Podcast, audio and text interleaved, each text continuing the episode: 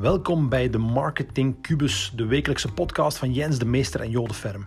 In deze podcast vergelijken we digital marketing met een Rubik's Cube. Voor veel ondernemers enorm complex en frustrerend om te ontwarren.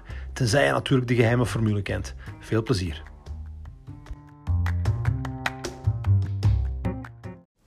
Hallo allemaal, nieuwe Marketing Talk met Jens de Meester. En vandaag gaan we het hebben over storytelling. En we gaan proberen een antwoord te vinden op een specifieke vraag die we regelmatig krijgen. Namelijk, moeten we delen uit ons privéleven gaan delen in onze communicatie online die eerder ja, bedrijfsgericht is? Moeilijke vraag.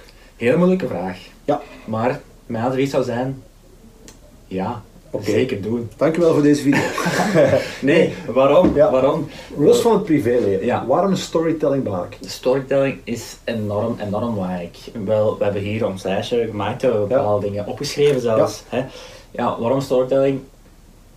Sinds het begin van de tijden vertelden mensen al verhalen aan elkaar. Ja. En dat is heel dat is een goede manier om ja, eh, je te vereenzelvigen met de doelgroep. Als jij een verhaal vertelt en ik herken mij daarin, ja, dan is dat Ja, dan ga ik daar ook al mijn eigen vereenzelvigen met u als persoon. Dat maakt je ook natuurlijk menselijker. Sympathieker. Ja, sympathieker, maar ik ga je ook mezelf herkennen, dus herkenning. Dus dat is onder andere één eh, reden waarom dat je sowieso aan storytelling moet gaan doen. ja.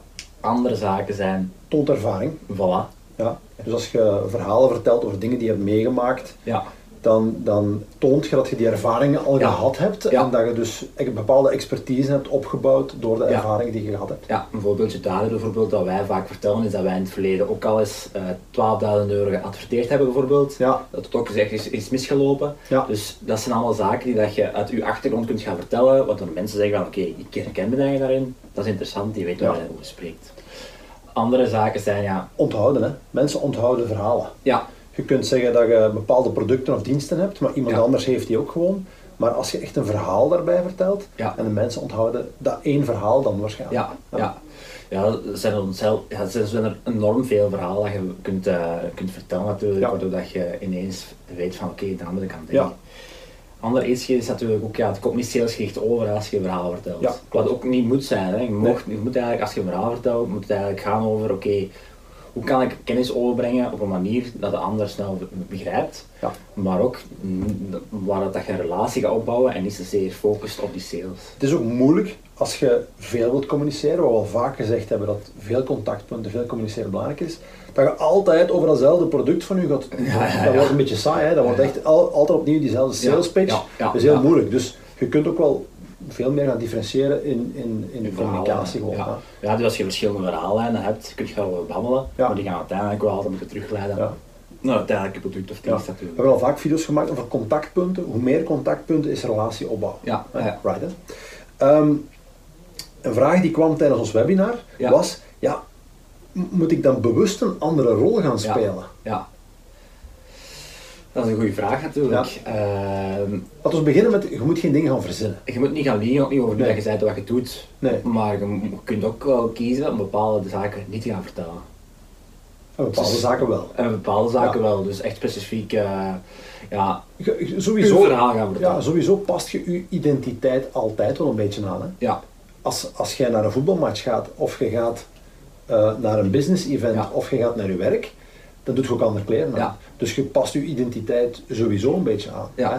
Daar is niks mis mee. nee, nee. Dus je, maar je kunt best ook gaan je verhaal vertellen over je andere identiteiten.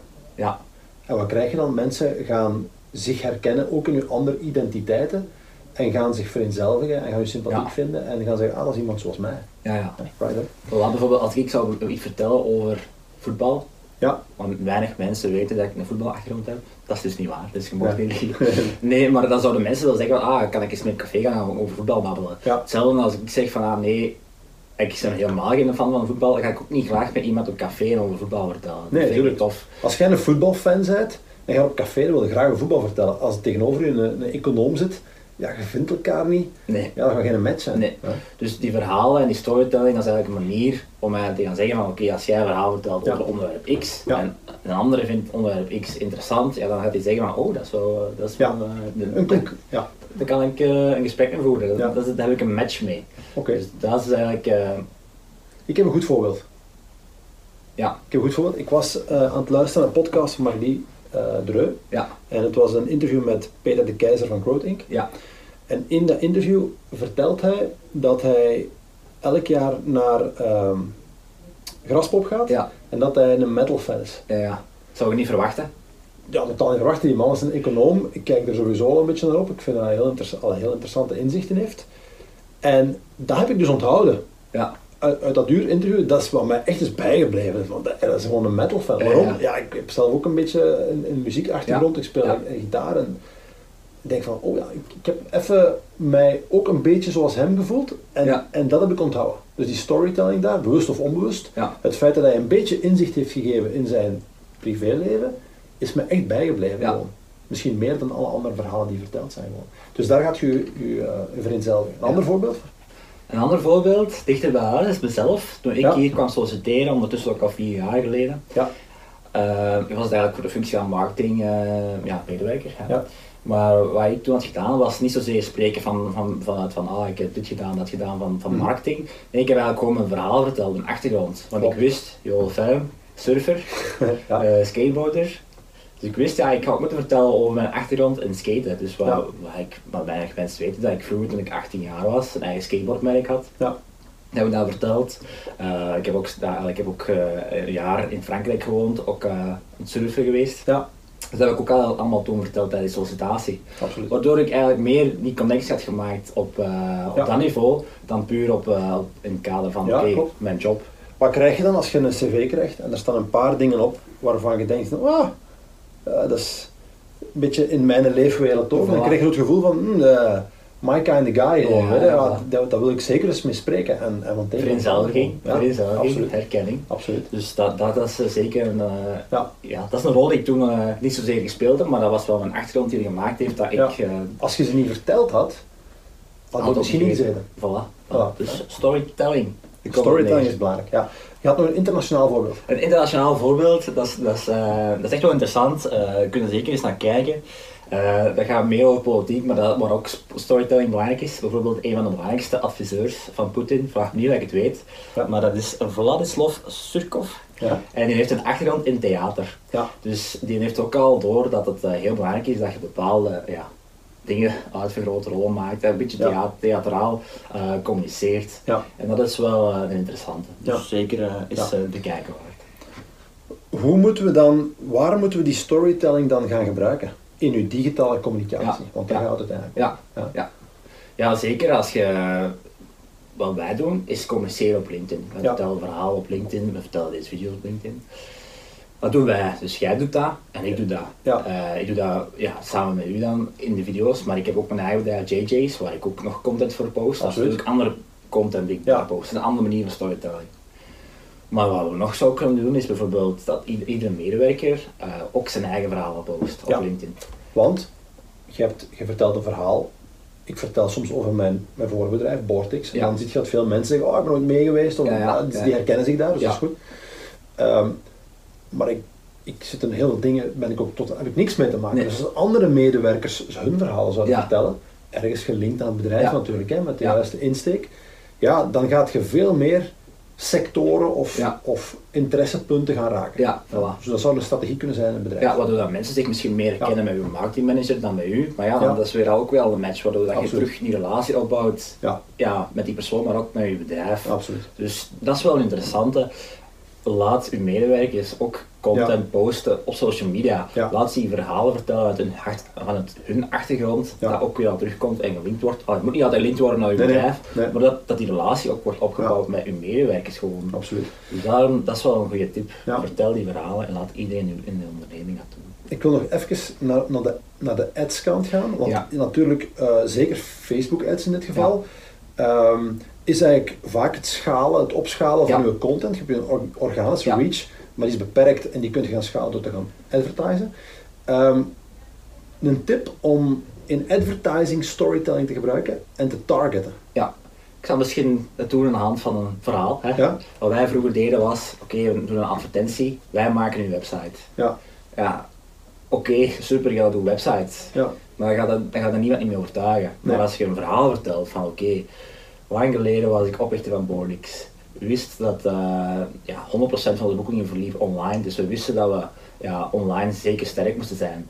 Jarenlang heb ik eigenlijk die website geoptimaliseerd en ik wist perfect wat werkt en wat werkt niet. En dankzij die ervaring heb ik nu een nieuw product in de markt gezet. Zijn ja. WebHero. Ja, dat is natuurlijk een ander verhaal dan dat je zegt van oké, wij maken websites. Ja, klopt. Aansluitend, de kracht van die advertenties is dat je inderdaad je verhaal zelfs kunt aanpassen. Hè. Je kunt AB-testing doen je advertenties. Je kunt bijvoorbeeld vandaag één advertentie live zetten met die, met die tekst, dat verhaal.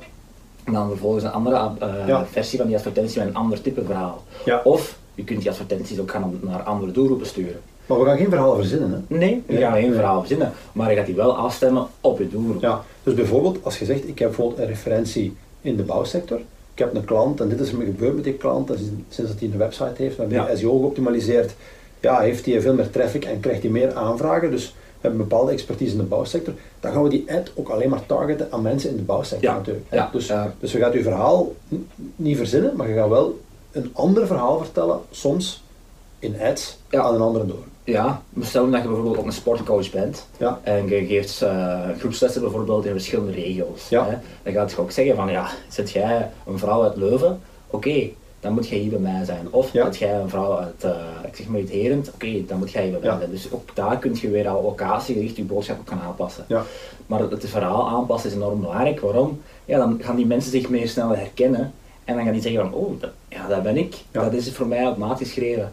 Dus heel belangrijk om toch uh, verhalend die uh, advertenties te gaan okay. opzetten. Storytelling it is. Storytelling en ja, vertel je verhaal. Dus om antwoord te bieden op de vraag, moet je een beetje deel uit je privéleven? Absoluut, want daar komen gekke dingen uit voort. Connecties die je nog niet wist dat bestonden, komen ineens uh, heel veel boven. Ik heb nog een voorbeeld. Laatste voorbeeld, dan sluiten we af. Um, ik had een connectieverzoek verstuurd naar iemand op LinkedIn. Ja. En die antwoordt mij, hey, ik heb gezien dat je daar op school hebt gezeten. En ik begin een conversatie ja. maar ik kende die persoon nee. Ja? Dus het raakpunt was daar mijn, mijn middelbare school. Ja. Dat kan voetbal zijn, dat kan, dat kan surfen zijn, dat kan van alles zijn, dat kan economie zijn. Maar in dit geval, dus je moet eigenlijk raakpunten zoeken ja. en communiceren over die raakpunten. Ja. En dan gaat het de mensen bereiken met ja, de storytelling. Ja, voilà. voilà. Absoluut. Alsjeblieft. Video van de week. Volgende week zijn we terug. Ciao, ciao.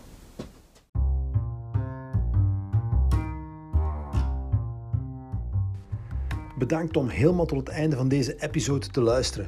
Je zou ons een geweldig plezier kunnen doen door je te abonneren op onze podcast. Op die manier mis je zeker ook de volgende episode niet. Tot volgende week.